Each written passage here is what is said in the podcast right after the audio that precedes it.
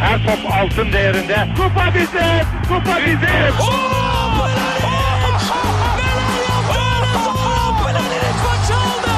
Dengeli de attı. İsabeti de buldu. Matta Fontaine. Zora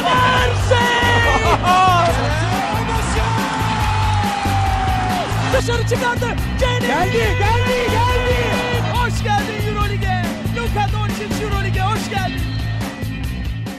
Bir başka Euroleague Podcast'te ikili oyunun 11. bölümüne hoş geldiniz. Ben Serkan Mutlu. Mikrofon diğer ucunda her zaman olduğu gibi Ali Aktin ve Tancan Fümen var. Merhaba çocuklar. Merhaba. Merhaba.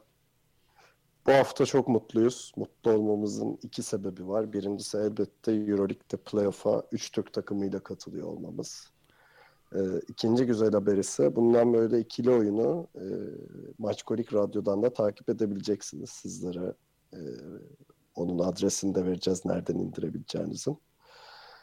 Ee, bu hafta maçları konuşacağız. Birkaç tane de gündem haberimiz var. Hazırsanız başlıyoruz.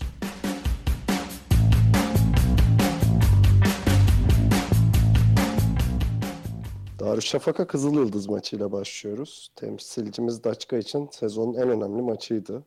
Yani dile kolay kazanırsan playoff'a çıkıyorsun. Hani bunun mücadelesini verdiler ve sahadan galip ayrılmayı başardılar. Tancan senle başlayacağım. Nasıl bir his abi? 29 maç oynuyorsun ve 30. maç kaderini belirliyor. Ee, Darüşşafaka'nın performansını nasıl buldun? Valla Tam dediğinde o konudan dolayı şey aslında çok iyi buldum. Ben daha stresli olurlar mı diye korkuyordum açıkçası. Hani maçın ilk yarısı daha böyle bocalayarak geçer. Yine hani biraz daha klasik bir Daçka gibi biraz daha sıkışınca devreye girerler gibi düşünüyordum. Hiç öyle olmadı. Baya taktik maktik yok bam bam bam girdiler. o açıdan güzel oldu yani. Ama tabii Kızılyıldız en formda olduğu o süreçten çıkmıştır birkaç haftadır.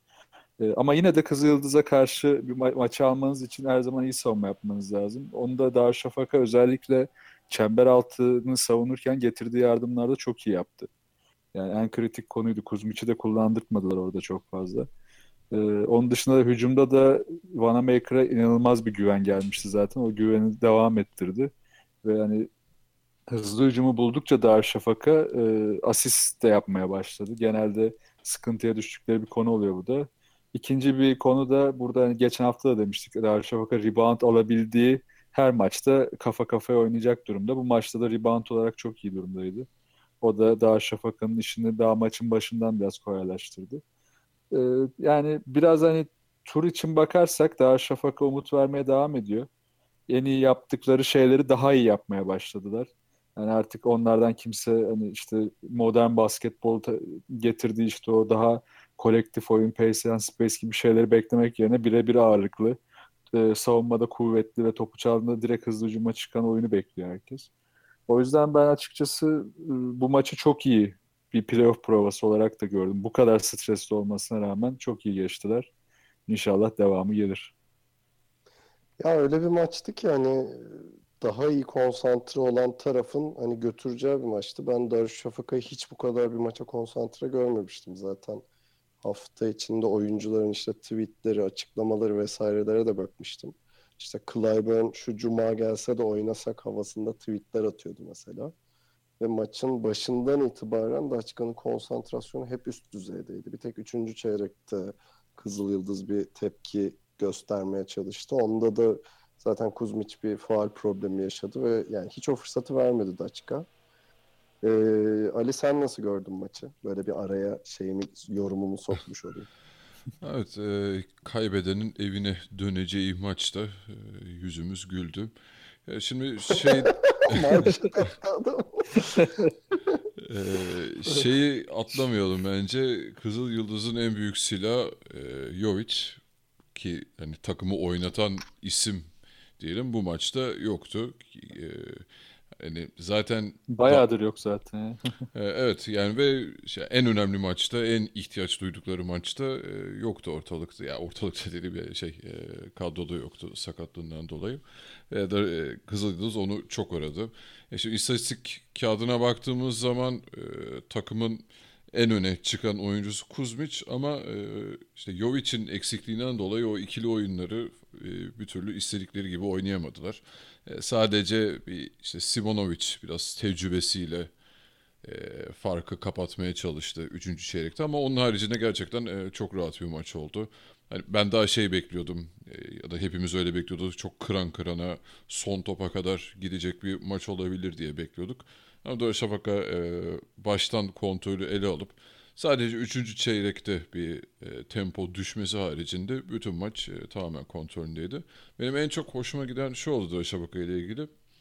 E, ya alışkın olduğumuz Darüşşafaka'dan daha takım halinde oynadılar. İşte e, Wilbeck'in, e, Clyburn'un asist katkıları çok önemliydi. E, Vanamaker bütün takımı e, işte bir maestro gibi yönetti. Herkesi oynattı. E, yani çok e, şey rahat bir maç geçirdi o yüzden Darüşşafaka.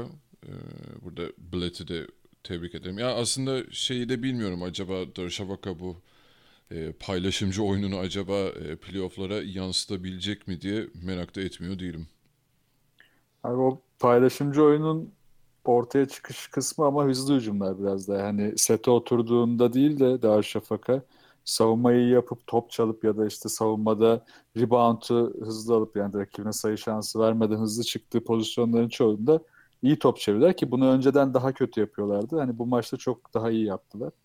Hani o tempoyu yakalayabilirlerse ki Real Madrid karşısında e, aslında bu tempoyu yakalama şansları var. Ama tabii hücumlarını, Real Madrid hücumlarını ne kadar durdurabileceğiyle ilgili olacak bu durum. Onun dışında tabii bu paylaşıma etkisi, etki edebilecek adamlardan bazıları da işte Birkan, Bertans ve Harangodi. Ya bu üçlünün vereceği ekstra katkılar çok kritik. Hani Birkan'ın hücum olarak söylemiyorum. Tabii ki savunma olarak vereceği katkı ve enerji çok önemli kenardan gelip. Bertans'ın forvetten oynayacağı ikili oyunlar ve bulacağı şutlar çok kritik. Aynı konu Herangodi'nin çember savunması ve dışarıdan bulacağı şutlarda da önemli olacak.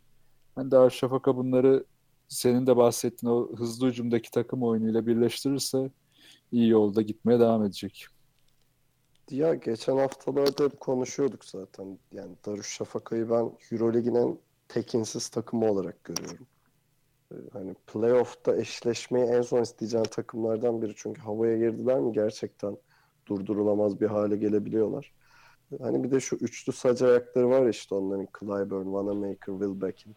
Hani bunlardan iki tanesi zaten kesin maça ağırlığını koyuyor. Bu maçta zaten üçü birden hani iyiydi diyeyim zaten. Yani Wanamaker'ın o normali oldu bu performansı da. Hem Wilbeck'in üçlükleriyle işte hem de e, Clyburn o açık alandaki oyunuyla e, hani o üçlüyü tamamladılar ama ona bir kişinin daha eklemlenmesi ki bu maçta Jijic oldu. E, hem sayı anlamında hem oyun anlamında zaten Darüşşafaka'yı çok ileri götürüyor. Ee, bu, bu maçta Cicic'e çok özel bir yük binmişti. O da Kuzmic'e savunmaktı. Ki Merman'ın da e, yardımlaşmaya gelmesiyle bence hani Kuzmic tam kağıt üstünde e, takımın hücum yükünü eline almış gibi görünüyor ama gene de çok iyi savundular Kuzmic'i ve zaten faal problemine soktular. E, o da şeyle birlikte işte Vanamaker'la birlikte oldu. Ee, onun dışında ben hani takım olarak çok beğendim de açıkayı. İlk kez hani bu kadar topu paylaştıkları yani e, bir sürü hücumda bütün takımın eline değdi top ve o şekilde hücum ettiler. Bu Darüşşafaka'da çok alışık olmadığımız bir şeydi sezon boyunca. Ee, dediğim gibi yani Darüşşafaka çok tekinsiz bir takım ama şey de düşünüyorum bilmiyorum siz ne diyorsunuz. Keşke yani Real değildi CSK olsaydı rakibi. Çünkü ben CSK'nın biraz da antidotu gibi görüyorum Darüşşafaka'nın oynadığı basketbolu. O zaman hani daha fazla şansları var diyebilirdim. Ha, katılıyorum aslında yani CSK gelse CSK 60 taçka 40 derdim. Şimdi Real 70 taçka 30 diyorum. Ya bence ikisi de çok e, zorlu rakipler e, hangisi olursa olsaydı. E, yani Darüşşafaka'nın tamam bu e, galibiyetler güzel, hoş, playoff'a kalması muhteşem bir iş ama o yapısal sorunlar Darüşşafaka'da geçmedi ve bunu tıkayan e, bir takım karşısına çıktığı zaman e, ya da işte onlara bu işte açık alanları vermeyecek bir takım karşısına çıktığı zaman ki orada da bence CSK bir adım önde. E, pot altında işte Jicic'i çok rahat kitleyebiliyorsun. Onun da e, hani 19 yaşında bir daha genç kategorisinin olduğunu düşünürsek e, tecrübesiz bir isim. E, e, öyle olduğu zaman e, Furkan tabii pek katkı veremiyor genel olarak. İşte orada Tancan'ın bahsettiği gibi hani Muharman'ın ve Herangadi'nin çok ekstra katkılar vermesi gerekiyor. Ee, yani şey açısından işi zor. Şimdi eğer bizde playofflar atıyorum böyle tek maç üzerine olsaydı evet Darüşşafako'nun sürpriz elementi var elinde. Ee, tek maçta vurup geçebilir. Ama işte iş playoff'a gelince böyle 3 maç e, alan takım yükseleceği için e, işi zor.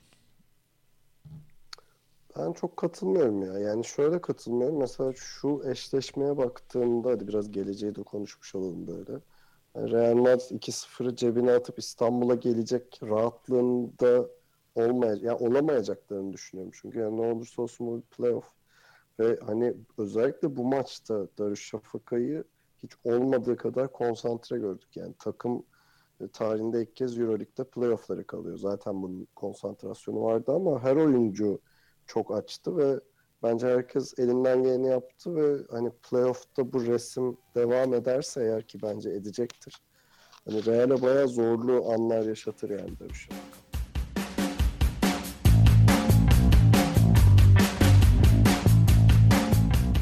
Haftanın ikinci önemli maçında Fenerbahçe e, İstanbul'da Barcelona'yı ağırladı. Önemli bir maç olmasının sebebi Fenerbahçe playoff'u garantilemiş olmasına rağmen e, 7. sırada bitirmemesi için yani 7. sırada bitirip e, CSK ile mi eşleşiyor? Evet, yedinci CSK. sırada? Pardon, evet, CSK.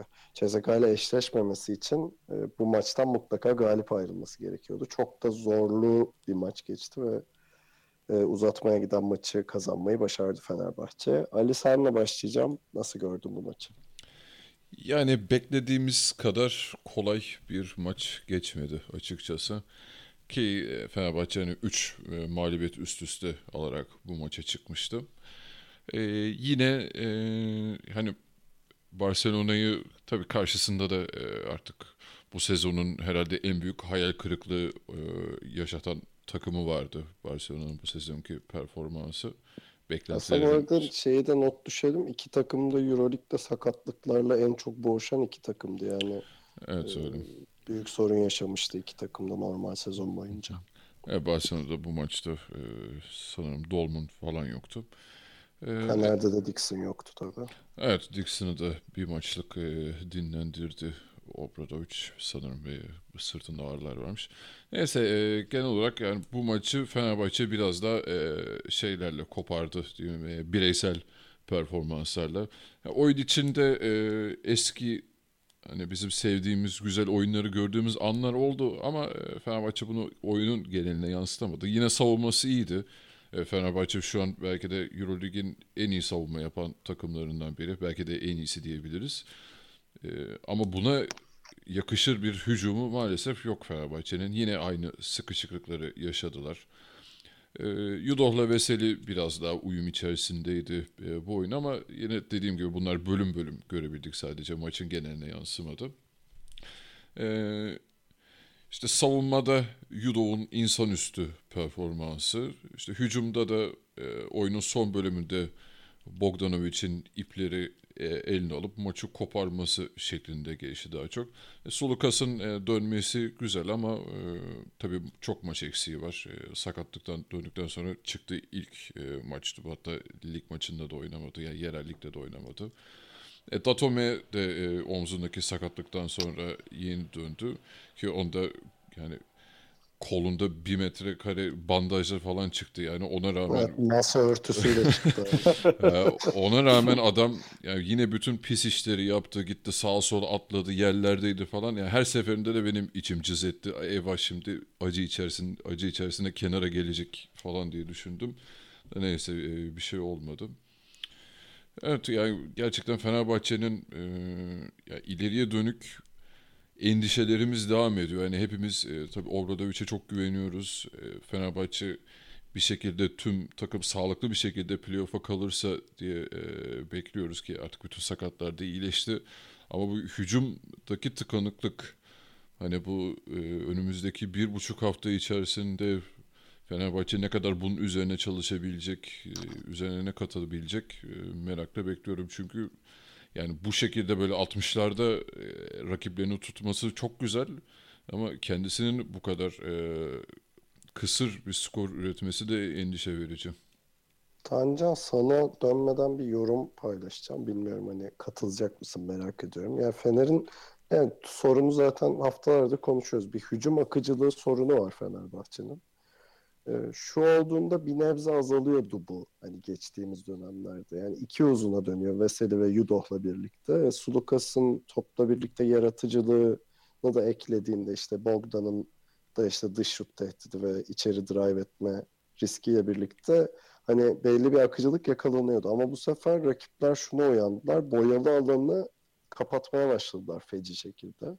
E, uzunların da dış şut tehdidi olmadığı için oyun fazlasıyla sıkışmaya başladı. Fenerbahçe'nin hani ben bu son birkaç haftadaki hücum akıcılığı sorununu burada görüyorum. Bilmiyorum sen katılıyor musun buna? Yüzde yüz katılıyorum. Hatta bu artık bence dönemlik bir sorundan yapısal bir soruna geçti. Yani bayağı bir süredir. Kaan ee, Kural'a selamlarımız. çok söylüyor bunu. A- aynen öyle yani o da o da aynı şeyden bahsediyordu zaten. Ya şu yüzden yapısal diyorum ben de. Ee, yani iki uzunla oynadığında bunu Real Madrid maçında çok net gördük. Ya Anthony Randolph yerinden bile kıpırdamadan Fenerbahçe'nin pot Fenerbahçe'yi pot altında savunabiliyordu. Çünkü dediğin gibi yani şu tehdidi yaratabilecek, yaratabilecek bir uzun yok. Böyle olunca da zaten bu maçın da çoğunu Obradovic tek uzunla denedi. Hatta e, şimdi bu kaydı yaptığımız gün Banvit maçı da Fener, vardı Fenerbahçe'nin. O maçı da yine tek uzunla oynamaya çalıştı çoğunu. Yani tek uzunla oynayıp e, hem kenardan daha e, sağlıklı kalabilecek, for, enerjik kalabilecek bir yedek uzun getirebiliyor. Hem de alan açabiliyor. Şimdi bu alanı açmak için e, tek derdi burası değil aslında Fenerbahçe'nin ama dışarıdan da geçen seneki kadar bulduğu tempolu şutları bulamıyor. Yani Datome'nin sakatlığı ve sezon başı formsuzluğu zaten buraya kadar geldi. Sonradan toparladı. Tam toparladı e, peak yaparken tekrar sakatlandı. O katkı veremiyor. Dixon'ın geçen seneki o hırçın e, yüzdeli şutları yok. E, Bogdan uzun bir sakatlıktan çıktı. O da hala istikrarsız şut atmaya devam ediyor. Yani Fenerbahçe'nin bu yapısal durumu bir, bir buçuk haftada çözemez. O yüzden bence buradaki çözüm şurada başlayacak. Fenerbahçe tek uzunu zorlamaya devam edecek ama oyunun yapısı sete oturduğunda biraz daha birebirlere belki biraz daha e, hızlı oyundan çok oyunu iyice yavaşlatıp e, daha garanti, daha süreyi kullanıp bulunacak şutlara dönecek. E, bu da bence daha faydalı oluyor şu anda kısa süreli bir çözüm olarak. Bunun üstüne gideceğini düşünüyorum ben artık Obradovic'in. Ee, söylediklerinize ek olarak ben bir de Kalinic'den bahsedeceğim. Yani e, konuşmuştuk hep kendisi aslında biraz özel bir adam. Hani o pis işleri yapmak hatta bir bir programda onu şeye benzetmiştik. İşte akvaryumdaki o çöpçü balığı mıdır nedir? Hani o akvaryumu temizler evet. takılır. Hani ona benzetmiştik. Ee, ama şöyle bir özelliği var o adamın. Hani sayı tehdidi düşük evet ama Fenerbahçe'nin oyunu böyle her alanda oynayabilen neredeyse tek adamı Kalinic. Ee, ve hani böyle özel maçların özel anlarında sorumluluk alırsa oyunu değiştirecek gücü oluyor. Yani içeri de girebiliyor, bazen sürpriz üçlükler atabiliyor, orta mesafede şut, şut olabiliyor vesaire. Hani bu katkıyı gösterdiği maçlarda Fener'in eli çok rahatlıyor. E, bu maç da öyle bir maçtı açıkçası. Çok önemli bir katkı verdi bence Kalinic. Hani playoff'ta bunu devam ettirmesi çok önemli olur. E, ikinci notum da Bennett üzerine. Yani bu bahsettiğimiz tıkanıklığı açmak için yani e, dış şut tehdidi de olan bir uzun olması e, Fenerbahçe'yi rahatlatacak bir adamken Obradoviç kendisi 3 dakika kadar dayanabildi. Gerçekten e, airball'lar falan attı yani herif. Bayağı şeydi ki sadece tehdidi var işte sonuç evet, yani muhtemelen bence playoff'ta hiç süre bulamayacağını öngörüyorum ben bu şeyden sonra. Ee, bilmiyorum siz katılıyor musunuz? Son notumda Yudo üzerine hani genelde şey yapıyordu Yudo farkındaysanız. Hani e, bu maç 15 tane rebound aldı. İnanılmaz bir istatistik çıkardı ama genelde Yudo bu kadar rebound almıyordu yani. Reboundları box out edip hani e, kısalara ya da işte forvetlere bırakan bir şeyken bu sefer ipleri eline aldı gibi bir şey gördüm ben. Çok da hırslıydı yani. Tamam bu sefer ben yapacağım bu işleri gibisinden girince 15 rebound çekmeyi başardı gerçekten de. Çünkü hani şeyi çok iyi biliyor. Pozisyon almayı zaten çok iyi biliyor herif. Ee, hani bu haftaki katkısı her ya sezon her maçında olduğu gibi çok özeldi ve yani Fenerbahçe'nin playoff'taki en önemli silah olduğunu gösterdi bilmem katılıyor musunuz? Ya, ben katılıyorum. Hatta şunu da ekliyorum üstüne Kalinic ve Yudo konusunda. Fenerbahçe bu tip maçlarda tıkandığında bir kırıcı arıyor aslında. Yani eskiden daha şeydi bu. Daha 90'lar 2000'lerin başında Aydın Örs'ün bir şeyi vardı işte açıklaması. Her takımın bir deliye ihtiyacı vardır gibi. O dönem daha deli olarak tanımlanan işte Mirsat tarzı bir adam aranırdı takımlarda. Şimdiki yani tabii ki o tarzdan çok uzaklaşıldı ama şu anda da hani yapacağı bir savunmadaki işte bir blokla işte Yudoh gibi çekip bir rebound aldıktan sonra o ortaya koyacağı enerji, koyacağı tepkiyle e, ya da Vesely gibi yapacağı bir alley hani maçı kıracak biri lazım. Bu üç oyuncu da buna çok uygun. E, umarım bunları yaparak giderler ki geçen seneki CSK maçında bunu yapan oyunculardan biri de Dixon'dı mesela. Onu hiç göremedik bu sene neredeyse. Umarım o, o tempoya geri döner bu oyuncular. Abi ben ilk Serkan e, Kalinic'den girmişti. E, ben de oradan devam edeyim. Ya Kalinic için gerçekten e, evet pis işleri yapıyor, iyi de yapıyor. Mücadelesi üst düzey. Ama bu kesinlikle bence Kalinic için yetmez bu performans. Yani genel olarak bu maçı özelinde söylemiyorum. Ya Kalinic'in mutlaka üzerine özellikle daha istikrarlı şut atması lazım. Ya sadece EuroLeague'de değil, e, Türkiye Ligi'nde bile hep Kalinic boş kalıyor. Yani gerçekten e, Fenerbahçe kim oynarsa karşı oynasın e, Kalinic'in dış şutları e, her zaman boş bırakılıyor. Ya bunun üzerine koyması şart. E, evet e, cezalandırdığı anları da görüyoruz ama istikrarlı şut yok maalesef. E, ikinci evet, evet. şey olarak Bennett e, hani Serkan biraz daha ümitliydi Bennett ilk geldiğinde bu sene katkı alabiliriz diye. E, maalesef. Evet ama yani ben o zaman da söylemiştim. E, tabii tahmindi bu ne olacağını bilemezdik ama e, bu adamdan bu sene bir şey beklemeyelim. E, bir şey katkı verirse bu herif seneye e, verir demiştim ben ve çok da yanıltmadı sanırım.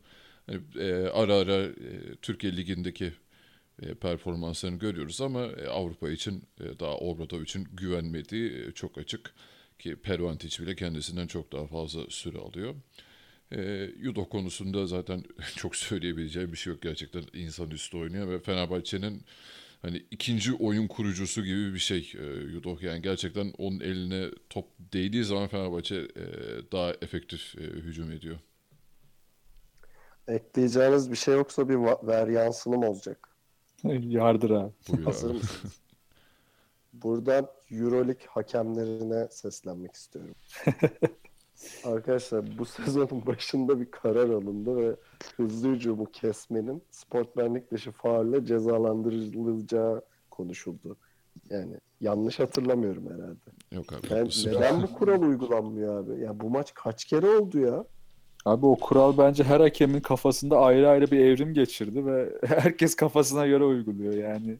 Evet bu arada yanlış hatırlamıyorsam Fenerbahçe aleyhine bir kere çalındı bu düdük bu maçta evet. Barcelona maçında ama ben en az 3 pozisyon hatırlıyorum yani. Tamam Sulukas bazen biraz abartıyor faal göstermeyi ama ya hızlı hücum kesildiğinde sportmenlik dışı çalacaksın abi. Bu çok açık bir şey yani.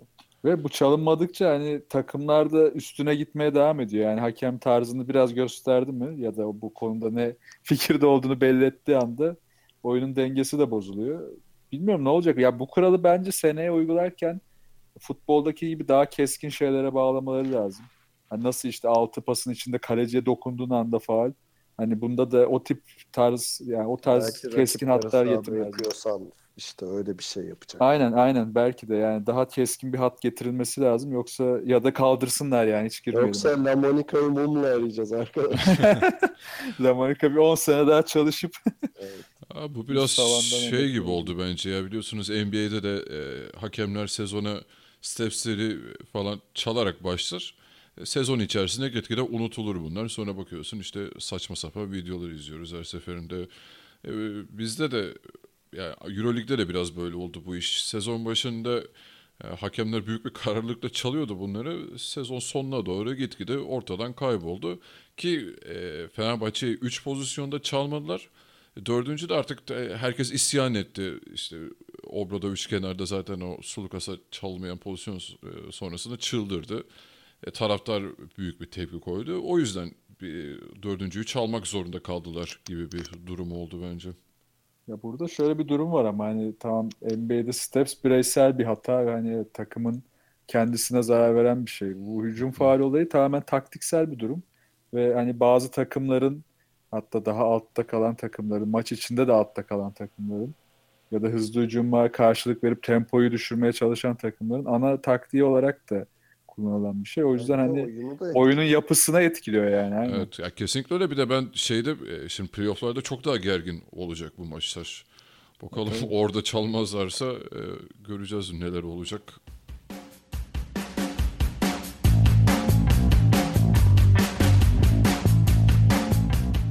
Haftanın bir diğer maçında Anadolu Efes Real Madrid deplasmanına gitti e, aslında önemli bir maç olabilecekken Baskonya'nın yenilmesiyle birlikte Anadolu Efes için formalite maçına dönüştü bu maç.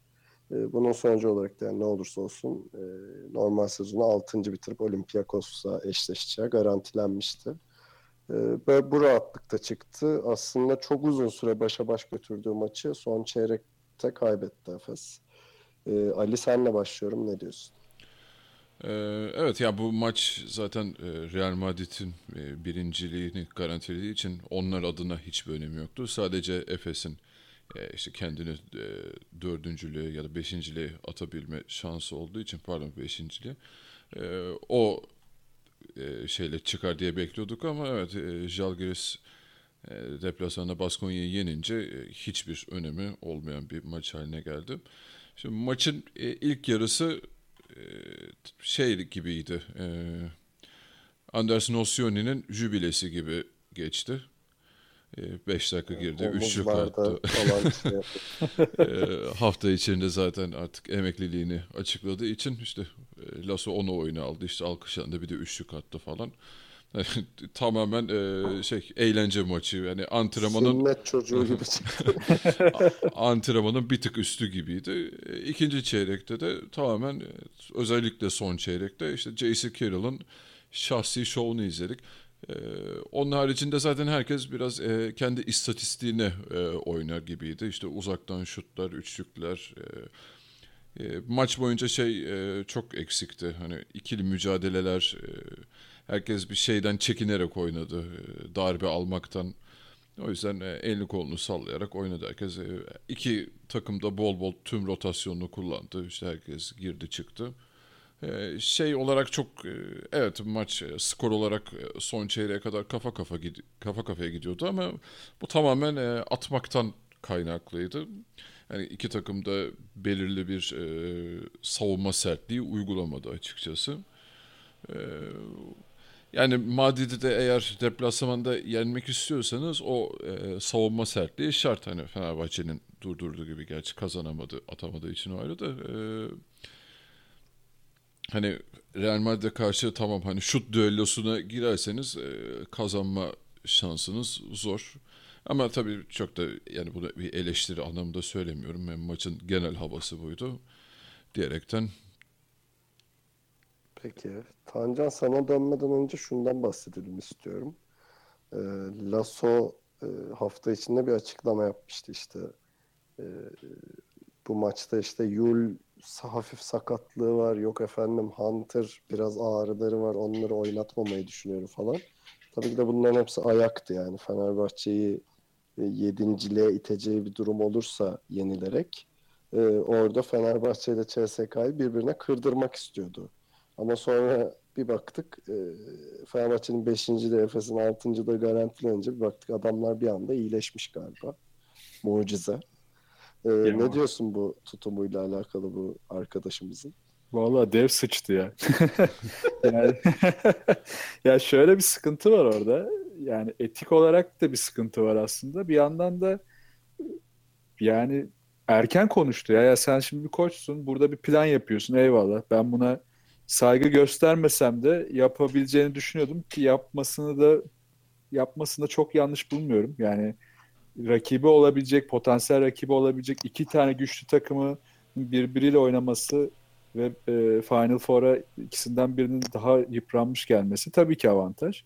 Yani böyle bir planın olabilir ama bu planı böyle erkenden konuşup açıklayıp Yani daha sonra çalmadan kılıfı Aynen. ortaya koydu. Yani Aynen öyle. Hiçbir şey söylemese daha iyi yani. Aynen öyle ya bu kadar alenen bu kadar saçma bir hareket yapması çok aptalca oldu açıkçası. Yani üstüne de hani tam az oynattı maç içinde Rule 10 dakika oynadı Randall 19 dakika civarı falan oynadı ama yani oynadılar sonuçta ki o e, hiçbir anlamı olmasa da oynattı. Hani madem bunu söyledin hiç oynatma değil mi? Bu sefer de oynatması üstüne bir de cila atmış oldu bu işin. Neyse Anadolu Efes bunu kendi açına, açısından biraz prova maçına çevirdi en azından. Oradan işe yaradı. E, Perasovic güzel bir Bu arada bunu birkaç fırsatta söylemiştim ama gerçekten Lasso'nun Euroleague'in en kötü koçlarından biri olduğunu düşünüyorum. Buyurun devam edin. Ya hem katılıyorum hem katılmıyorum. Kötü bir koç değil ama şu şu açıdan da katılıyorum. Ya oyun Respons- okuma anlamında yani evet dediğin gibi Aynen. oyundaki değişikliklere cevap verme anlamında çok başarısız bir koç yani. Aynen yani şey e, response time o cevap verme süresi çok yüksek adamın ya. Tam aklına doğru şeyler geliyor.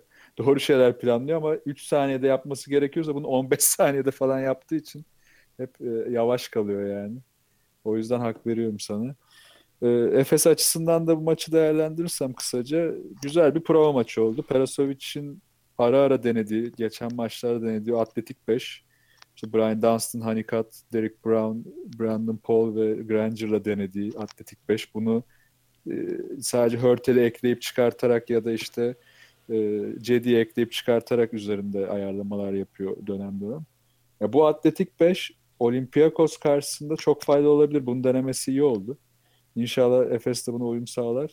Yani Efes'in yine bu maçta da hani o çoğu sıkıntısını çözmesine rağmen kalan tek sıkıntısı hala sıkıntı e, zor anlarda, oyunun tıkandığı anlarda bire bire dönmek doğru hamle ama bire bire döndüklerinde hep yanlış oyuncuları buldular bu maçta.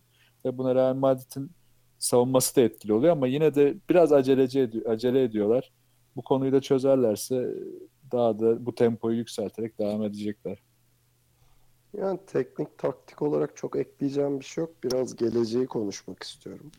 Ee, gerçi önümüzdeki hafta hani tüm takımlarımızın sezon içindeki performanslarını ve e, işte eşleşmelerdeki şanslarını konuşacağımız bir program yapacağız ama e, gene de Olympiakos karşısında Anadolu Efes'in şansını nasıl buluyorsunuz? Ben açıkçası gayet yüksek buluyorum diyerek sözü öyle vereyim size.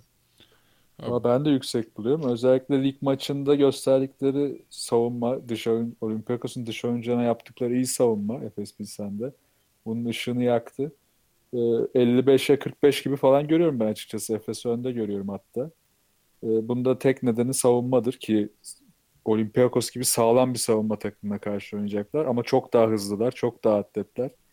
Yani Cam Birch, Cam Birch faktörünü de iyi savunurlarsa e, bayağı şansları yüksek. Ki Bryant Dunstan şey normal sezonda Cam Birch'e gayet diş geçirdi yani. Aynen öyle. Ali Vallahi sence? ben Tancan kadar rahat değilim ama e, yani tabii ki de Sen hiç rahat değilsin ya. ben bir, biraz abi ya. Biraz bardağın boş tarafıyım ben sanırım. Ya şey e, evet yani Olympiakos'un gerçekten e, Cam Birch tehdidi e, biraz göz korkutuyor. Yani şu da var e, tabii şimdi Brian Dunstan'ın acaba dinlendiği sürelerde Alex Kirk'ten de nasıl bir katkı alabilecek e, o da biraz soru işareti şu an.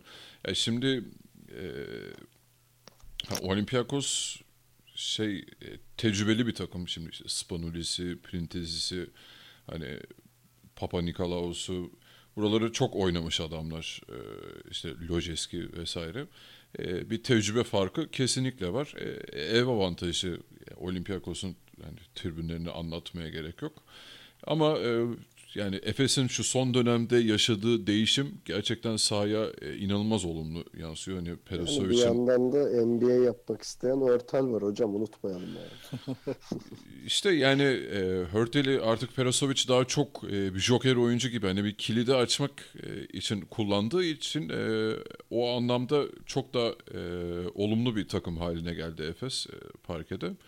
Yani Evet yani Efes'in özellikle son e, dönemdeki artan performansı bu Perasovic'in artık istediği şeyi e, takımı daha net görebildiğimiz için e, kesinlikle şansı var Olympiakos'a karşı. E, ama ben hani çok da daha şey e, başından açılmama taraftarıyım.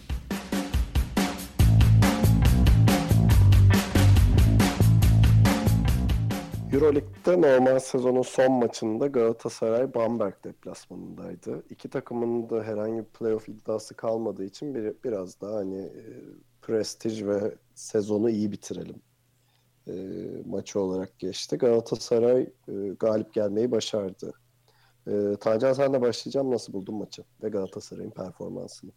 Galatasaray için güzel bir kapanış oldu. Ee, Sinan'ın kontrolünde olunca takım, yani Sinan sahada kaldığı sürece her zaman e, zekasını daha fazla yükseltiyor ve yani oyunu kontrol etmeye daha yakın oluyor.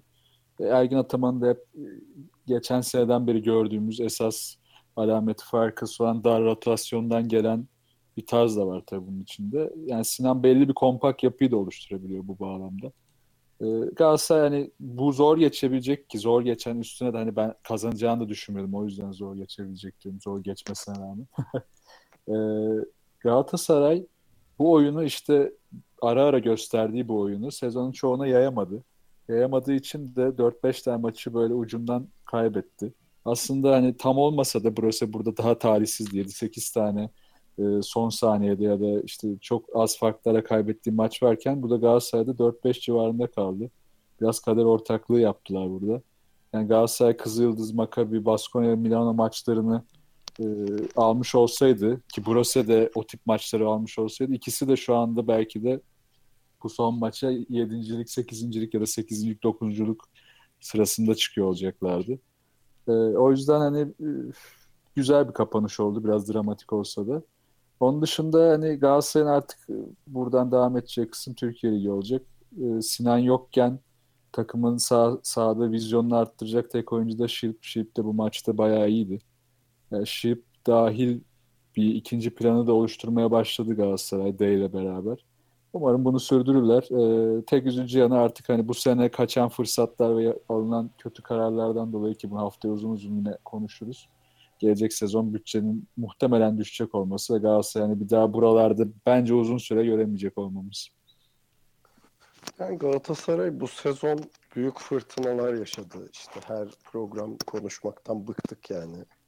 Ee, yok işte kadro dışılar orada taraftarın tepkisi işte koç maçı terk ediyor falan devamlı Brezilya dizisi atmosferinde geçtiği sezonu 12. bitirdi Galatasaray. Bamberg, Maccabi, e, Kazan ve e, Milano'nun önünde.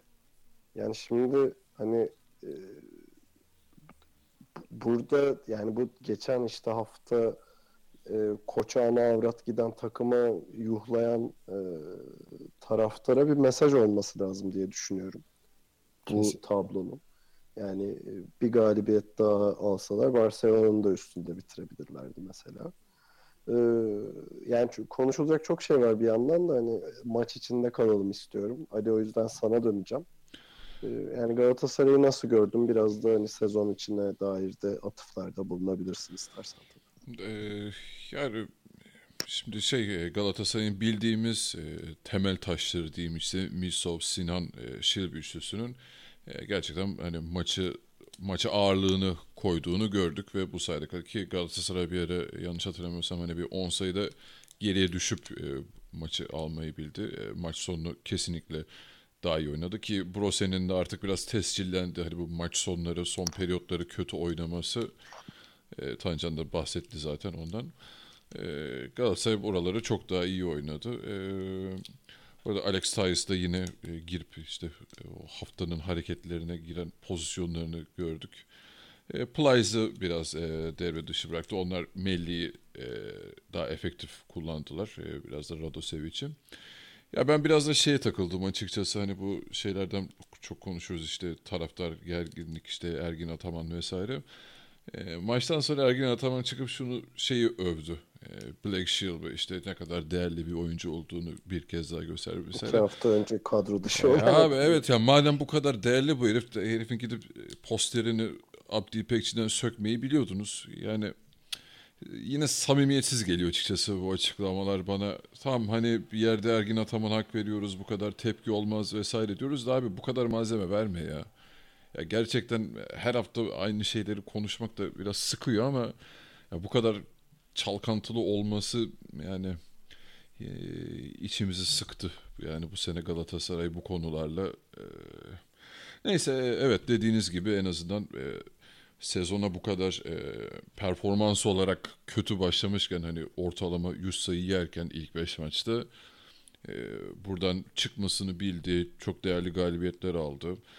Genel olarak e, deplasmanlarda ortalıkta olmayan bir Galatasaray var derken onlardan da e, galibiyetler almayı başardı. Evet yani keşke e, hani o yatırımlar düşmese Galatasaray e, zannediyorum seneye zaten Şampiyonlar Ligi değil de bütün Türk takımlarını Euro Cup'ta göreceğiz gibi e, duruyor. E, hani Umarım öyle olur ya. Evet, e, hani bu ana rotasyon oyuncularından hani kaçı gider, kaçı kalır bilmiyorum ama en azından bu işte hani Sinan'lı, Şilp'lı, Mitsov'lu yapıyı biraz koruyabilirse ve üzerine biraz e, daha hani uyumlu bir pota altı oluşturabilirse Galatasaray yine Euro Cup'ı kazanıp e, seneye neden gelemesin değil mi? Ya ben biraz geleceği konuşalım istiyorum zaten. Yani kimsenin böyle teknik taktik konuşmaktan yana olmadığını gördüğüm için. Yani genel olarak zaten e, senenin resmi olan maçlardan biriydi Galatasaray için. Yani Mitsov ya da Şilp ikilisinden biri e, Sinan'a eşlik edebildiğinde bu e, şeye tarifeye diyeyim Austin Day'de katılabildiğinde zaten Galatasaray'ın çok ciddi bir hücum silahı edinmiş oluyor ve bu maçta da bunu gördük açıkçası. Ee, hani gelecek için aslında iki sorum vardı size.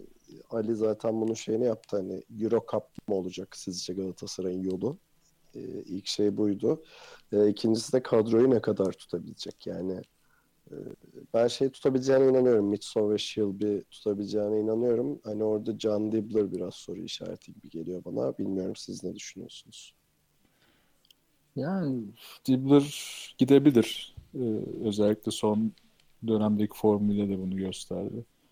Onun dışında pota altında çok büyük sıkıntılar var. Ee, ne kadar iki tane iyi oyuncular, kağıt üstünde ikisi de iyi oyuncu da ikisi de birbirine benzemediği için Galatasaray'ın bütün oyun yapısını bir anda değiştiren, hani sahadaki 5 ne olursa olsun iki uzun değiştiğinde oyun felsefesi değişen takıma dönüyor bu iki uzundan dolayı. O yüzden orada ben bir değişiklik olacağına eminim. Ee, Şilp, Şilp kalır mı biraz şüpheliyim. Özellikle o kadro dışı olayından sonra e, bu kadar değerli bir adamın. Belki Ergin Ataman'ın durumuna göre de bu e, oyuncuların kalacağı gideceği konuşulabilir. Ufaktan da Euro Cup'a değinirsem evet hani Euro Cup'ı tabii ki kazanacak bir kadro kurabilir. Hani 4-5 milyon dolar gibi bütçe şimdiden e, konuşuluyor. O bütçeyle kafaya oynayacak bir takım olabilir ama kazandığı seneki kadar da kolay olmayacak. O yüzden hani en azından ben bir iki sene içinde olmasa da yani 3-4 sene içinde tekrar alabileceğini düşünüyorum Yani Galatasaray'ın. şu yüzden herhalde kolay olmayacak. Hani Ergin Ataman'la taraftar grupları arasındaki kavga da yani orada da Tabii, tabii. baltası Aynen öyle. bilmezse sonuçta Euro Cup aldığı sene de Galatasaray özellikle Abdi İpekçi'deki performansıyla e, almıştı. Tabii. Hatta zaten t- t- taraftar gruplarının ana argümanı da bu biz yoksak siz de yoksunuz falan gibisinden açıklamalar yapıyorlar. Ne kadar Yani saçma. Evet Galatasaray için böyle gelecek çok belirsiz görünüyor. Biraz da korkutucu görünüyor ama bakalım yani. Evet bu arada ya bence şey olması lazım önce bunu geçen hafta da zaten konuşmuştuk. Hani bir yönetimin artık bu sessizliğini bozması gerekecek. Ha belki tabii e, onlar da sezon sonunu önce e, beklemeyi uygun gördüler ki O da çok mantıklı. Hani şimdiden ortalığı birbirine katmanın anlamı yok. Yani öncelikle bir e, başımızda kim olacak? İşte Ergin Ataman'la mı devam? Ki bu hafta da e, hani şey dedikoduları da çıktı böyle Ergin Ataman acaba Barcelona'ya mı Çok komik ya. yani. da var. Yani önce bir koçun belli olsun. Eğer e, yönetim o vizyona kavuşabilirse bir genel menajeriniz olsun. E, onun haricinde oyunculara baktığımız zaman bence e, yani oyuncuların ne istediğine bakmadan bir Emir'le Fittipaldo'yu bu takımdan bir göndermek gerekiyor. Hiç e, gerek yok gerçekten ikisine de. E, onun haricinde bence Diepler kendi daha iyi bir teklif e, alabilir diye düşünüyorum. E, buna belki Alex Tyus e, katılabilir. E, Tanca'nın şey yorumuna da katılıyorum. Hani Blake Shelp kendi kalmak istemeyebilir ama hani onun da tabii hani bundan sonra bir transfer daha yapar mı yoksa hani Galatasaray'da mı bırakır işte dediğim gibi o Ergin Ataman'la şu an ilişkisi nasıl bilemediğimiz için e, işte evet gidecekler olarak e, bu oyuncuları görüyorum ben. Ya onun haricinde Sinan'ın kalacağını zaten e, hani iyi kötü tahmin ediyoruz.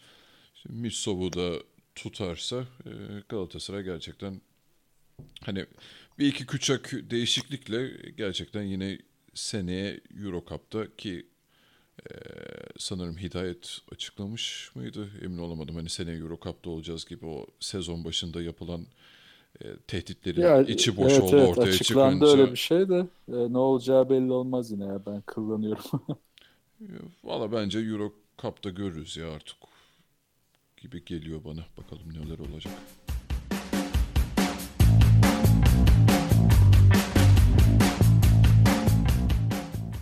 İkili oyun devam ediyor. Ee, Klasikleşen köşemizde öncelikle haftanın beşini ve koçunu seçeceğiz. Daha sonra e, iki tane de gündem haberi var. Onları konuşacağız. Öncelikle beş ve koçla başlıyorum. Ee, Ali bize bu hafta performansını en beğendiğin iki kısayı söyler misin? Evet ilk kısam e, Pangos e, Žalgiris'ten Ya gerçekten bizim için yani Türk takımları için çok değerli bir galibiyet aldılar ve o da e, takımını galibiyete götüren e, ana faktörlerden biriydi. E, ikinci isim de e, Real Madrid'den J.C. Carroll. Yani e, maç boyunca iyi bir performansı vardı ama o son çeyrek performansı efsaneydi. Zaten e, haftanın e, en yüksek skor bulan oyuncusu oldu. 29 sayı 22 dakikada mükemmel bir Bu arada performans. 7'si üçlük yanlış hatırlamıyorsam. Evet, Evet. e, 8'de 7 gibi çılgın bir üçlükle at, yüzdeyle attı. Okey teşekkür ederiz. Tancan sen de bize forvetleri söyle bakalım. Evet. Forvetlerin ilki Latavius Williams. Kazan'ın kapanış maçında bir şov yapıp kapattı. 20 sayı 12 rebound. Bir asist 2 steal'la. Güzel bir kapanış oldu. İkincisi de az önce övdüğüm Black Sheep. Black Sheep e, Sinan yokken ya da Sinan varken de sahada takımın ikinci zeka koyabilen adamı. O yüzden de Galatasaray için değerli. Umarım da değerli kalmaya devam eder. Teşekkür ederiz. Bana da 5'i yani uzun ve koç seçmek kaldı. U- Uzun aslında bu sene fazlasıyla övdüğümüz bir isim olacak. Ekpe Udoh. Ee, Yani Barcelona karşısında Fenerbahçe'nin ayakta kalan adamlarından biri oldu ve her şeyi yaptı. Yani sadece 15 reboundu değil, e, top çalmaları, işte bir tane bloğu var, asistleri var, sayıları vesaire ve yani takıma kattığı enerji benzersizdi bence. Zaten normal sezonun ve Avrupa'nın en iyi uzunu e, olduğu hani herkesçe malum. Bence sezonda mükemmel kapatmış oldu. E, koç adayım da Jasikevicius. Onu da sezon içinde bayağı övdük zaten. Hani e, Eurolig'in e, oyunu okumayı en iyi bilen koçlarından ve e, hani koçluk serüvenine yeni başlamışken olabilecek en iyi yani ilk yıllarındayken olabilecek en iyi performansı gösterdi. E, sezonda harika kapattı açıkçası. E, Türk takımlarına da bir kıyak yapmış oldu yani. Bu bu şeylerden itibaren de bizim beşimiz şöyle oldu. Tekrarlamak adına söyleyeyim. Pangos, e, Carroll, Williams, Black Shield, Ekpeyudo, koçumuz da Jasikevicius. Derken Jasikevicius'tan bağladığımız bir haberle devam edelim. E, Jasikevicius hafta içi şöyle bir açıklama yaptı. Sadece yüksek hedeflere sahip kulüplerden gelen teklifleri açığım. E, bunu da şu yüzden yaptı. Jasikevicius bayağı uzun süredir bir sürü e, kulüple adı anılıyor. E, ne diyorsunuz yani bana biraz politik bir açıklama gibi geldi. Kesinlikle hayır demiyor. Kapıyı da tamamen kapatmıyor ama fakirseniz gelmeyin kardeşim diyorsun. ya biraz hani şey demek istediği şu gibi birazdan hedefi yüksek tutabilecek kulüpler hani e, gidip de Real Madrid gibi abicim bana 30 milyonu verin. Yani tabii 30 milyon vermiyorlar da 30 milyonu verin ben her şeyi yaparım tarzı bir açıklamadan çok e, iyi bir ortalama üstü iyi bir bütçeyle hedefleri olan bir takım tercihim gibi algıladım ben bunu biraz da. Yani Jalgiris de tabii daha kısıtlı e, bir bütçeyle ve çok daha kısıtlı bir kadroyla bu başarıyı elde etti. Çünkü cidden yani koç takımı dediğimiz bir takım yarattı. E, bütün maçlarını maç maç düşünüp maç maç planlayıp ve her takımın zaaflarını çok iyi bulup o zaaflar üzerine devamlı yürüyerek maç içinde e, devamlı rakipleri o zaaflar üzerinden vurarak maçlarını kazanmaya çalıştı da kazandı. Ki kazanamadığı maçları da yani büyük bir yüzdesini e, kolay teslim olarak vermedi. Bu sezonun bence hani Kızı Yıldız'la beraber e, en sükse yapan, e, en kafa karıştıran, en hazırlıksız yakaladığında herkesi e, sürprize sürükleyen takımı oldu. O yüzden Jasikevicius'un e, ben kıs, ya seneye olmasa da ya seneye de Jalgiris'te kalabilir ama ondan sonraki sene e, zaten kurala da takılıyor galiba İspanyollarda. İspanya'ya gidebileceğini düşünüyorum. Daha sonra belki yani çok çok daha büyük hedefler koyarsa bu kendi açıklamasının da paralelinde ileride belki bir NBA yardımcı koçluğuna kadar gidebilir bu performansını korursa. Yes. Bana da biraz challenge arayan bir isimmiş gibi, gibi geliyor. Pardon Ali kesiyorum şeyini Yok, ama evet. e, hani o yüzden de e, hani o koç takımı olma vesaire gibi şeyler yani gönlünde bir aslan var herhalde ki böyle bir açıklama yaptı. E, aslan yani... derken bir şey mi demek istiyorsun? Acaba bak subliminal ortaya çıkıyor. Neden olmasın ama sanki şey yani yüksek hedefler Euro Cup olmaz gibi geliyor. evet evet evet. Ee, hani orada ben hep Barcelona'ya yak- yakıştırıyorum ama o kuralı tam bilen var mı? Yani İspanya'da iki sene takım çalıştırması gerekiyor gibi bir Yok, şey var. Yok şöyle genel olarak e, iki sene e, head coachluk yapması olması gerekiyor. Yani şöyle olur. E, Jaskevicius bir sene daha şeyde devam ederse e, Jalgiris'te head coachluk görevine devam ederse o zaman e, İspanya'da da e, şey gidip Barcelona ya da herhangi bir kulübü çalıştırabilir. Evet, bu sene e, o kurala takılıyor çünkü bundan önceki iki sene asistan koçtu Jalgiris'te. Bu sene takımın başına geçti. E, o yüzden e, bu sene için Barcelona ihtimali yok onun için. Yani kuralda eğer bir değişiklik olmazsa onda hani bir detayı da bir haberi vesairesi yok. E, ben plase olarak da şey görüyorum açıkçası acaba Makabi olabilir mi? Çünkü Makabi de e, her zaman yüksek hedefleri olan bir takım. Bu sene her ne kadar e, sezon başında onlar da çok fırtınalı bir dönem geçirmiş olsalar bile Euroleague dediğiniz zaman sayacağımız 3-5 takımdan biri. Çok köklü, e, kültürü olan bir takım. E, ve şampiyon olmuş. E, her sene de bu parolayla yola çıkan bir takım. E, biz acaba işte Darüşşafaka doğuş e, olayından sonra Bled e, acaba Makabi'ye mi gider diyoruz ama Jaskevic neden olmasın diye düşünüyorum. Vallahi olabilir ya. Yani Yunanlarda pek ihtiyaç yok gibi. Baktığında şu hızlıca bakarsak. İspanyollarda var ama kurala takılıyor. Türkiye'de şimdi e, Anadolu Efes ya da Fenerbahçe'nin yakın dönemde şimdilik koç değiştirmeyeceği öngörüyoruz. İtalya'da bütçe yok. Böyle baktığında yani konu Makabi'ye doğru kayıyor ama ben o yüzden Jalgiris'te kalmasını daha e, iyi ihtimal olarak görüyorum. Evet ben de nedense hani bir sene daha Jalgiris'te kalıp ondan sonra e, İspanya kapısı açıldıktan sonra bence de e, oralardan iyi bir teklif alabilir gibi duruyor. Peki sıradaki haberimize geçiyorum. Biraz üzücü bir haber. Ee, anılara dair bir şey. Abdi İpekçi'nin yıkılma ihtimali olduğu yönünde. e, bir duyum alındı. Sanırım haberin kaynağı Hürriyet e, ki ciddiye alınması gereken bir haber olduğunda şuradan çıkartıyoruz. Anadolu Efes e, bunun üzerine bir açıklama yaparak işte eğer böyle bir şey olursa taraftarlarımızı yani kombine alan taraftarlarımızı kesinlikle e, mağdur etmeyecek çözümler üreteceğiz vesaire gibisinden bir şey dedi. Demek ki gerçekten de böyle bir ihtimal var. E, size lafı vermeden önce şeyi de ekleyeyim. Eğer bu ihtimal gerçekleşirse Galatasaray'ın Ahmet Cömert de Anadolu Efes'in de Sinan Erdem'de maçlarının oynanacağı söyleniyor. Bu bana da biraz garip geldi açıkçası. Ne diyorsunuz? Anılar. Bol anılar. ya Abdi İpekçi ya bir Hidayet'in açıklaması var bu arada hani kısa. Gerçi orada tam şey demiyor. Buraya bir tesis yapacağız. Salonun durumunda daha netleştirmedik gibi bir açıklaması var. Ya ben önce hani anılara girmeden önce şundan çok korkuyorum ya artık hani bizde bu şeydir ya en basit alışkanlıkla böyle futbolda da vardır. Tesisleşiyoruz. Tesis, tesis, tesis, acayip tesis işte Avrupa'nın en iyi tesisi şöyle tesis.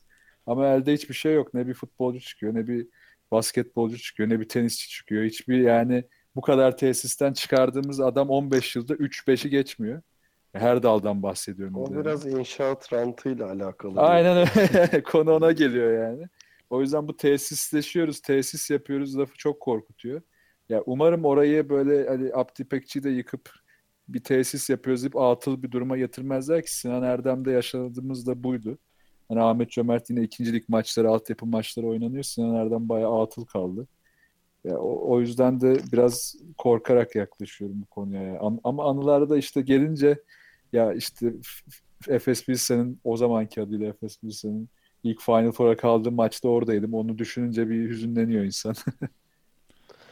Ya bir yandan da gerçekten yani bilmiyorum yıkmak mı bunu çağırsa ama Abdi İpekçi'ye kesinlikle bir ayar yapmak gerekiyor diye düşünüyorum. Öyle canım çok Ee, eski salon.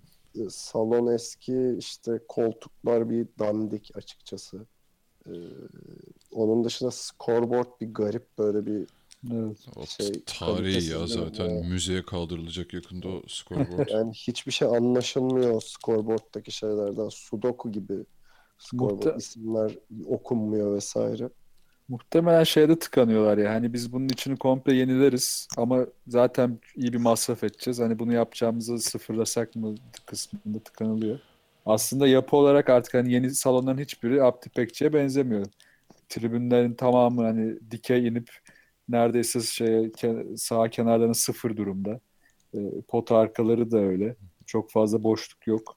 Aslında güvenlik olarak da bilmiyorum bir sorun yaratıyor mu? Oradaki prosedürlere çok hakim değilim ama belki o yüzden de artık yenilenmesi şart olabilir. Ya ben bir genel olarak sıkıntı görmüyorum. Yani tabii ki de hepimizin bir gönül bağı var Abdi İpekçi'yle. Yani Türkiye'de basketbol dediğin zaman e, hani şey takımları vesaireyi e, oyuncuları bir kenara koyarsak ilk akla gelen sembollerden bir tanesi Abdi İpekçi. Tabii diğer taraftan e, şeyde bir yanlış görmüyorum ben hani burası yıkılıp yenisi yapılacaksa o tesisin hani biraz daha detayını öğrenmemiz e, gerekiyor tabii yorum yapmak için nasıl bir şeyden bahsediliyorlar e, o önemli. Ama diğer taraftan da bence hani Sinan Erdem de yapıldığı yıldan beri hani yani 3-5 tane maçtan başka bir şey oynanmadı sanırım. Bomboş duruyor orası da. İşte turnuva gördü bir tane güzel dünya şampiyonası gördü.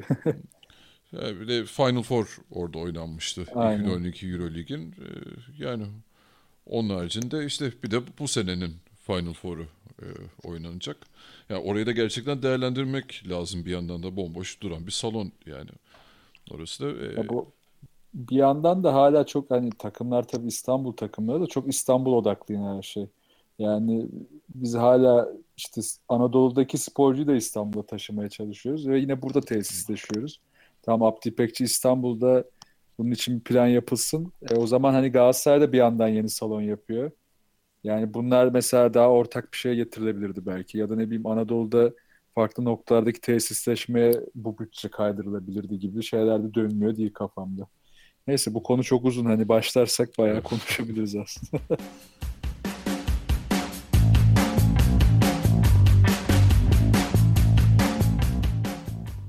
İkili oyunu dinlediğiniz için teşekkür ederiz. Bu normal sezonun e, son ikili oyun programıydı. E, önümüzdeki hafta e, temsilcilerimizin sezon içindeki performanslarını ve geleceklerini konuştuğumuz özel bir yayın yapacağız. Daha sonra zaten playoff başlıyor. Playoff'larda bütün maçları size analiz etmeye çalışacağız. Biz her zaman olduğu gibi ikilioyun.com adresinden ve ikilioyun Twitter hesabından takip edebilirsiniz. Buna ek olarak yeni katıldığımız Maçkolik Radyo'dan da bizi dinlemeye devam edebilirsiniz. Ee, ve gene her hafta olduğu gibi bizden haberi olmayan bir arkadaşınıza bizi önerirseniz seviniriz. Belki onların da hoşuna gider. Önümüzdeki hafta görüşmek üzere. Kendinize iyi bakın ve hoşçakalın. Hoşçakalın. Hoşçakalın.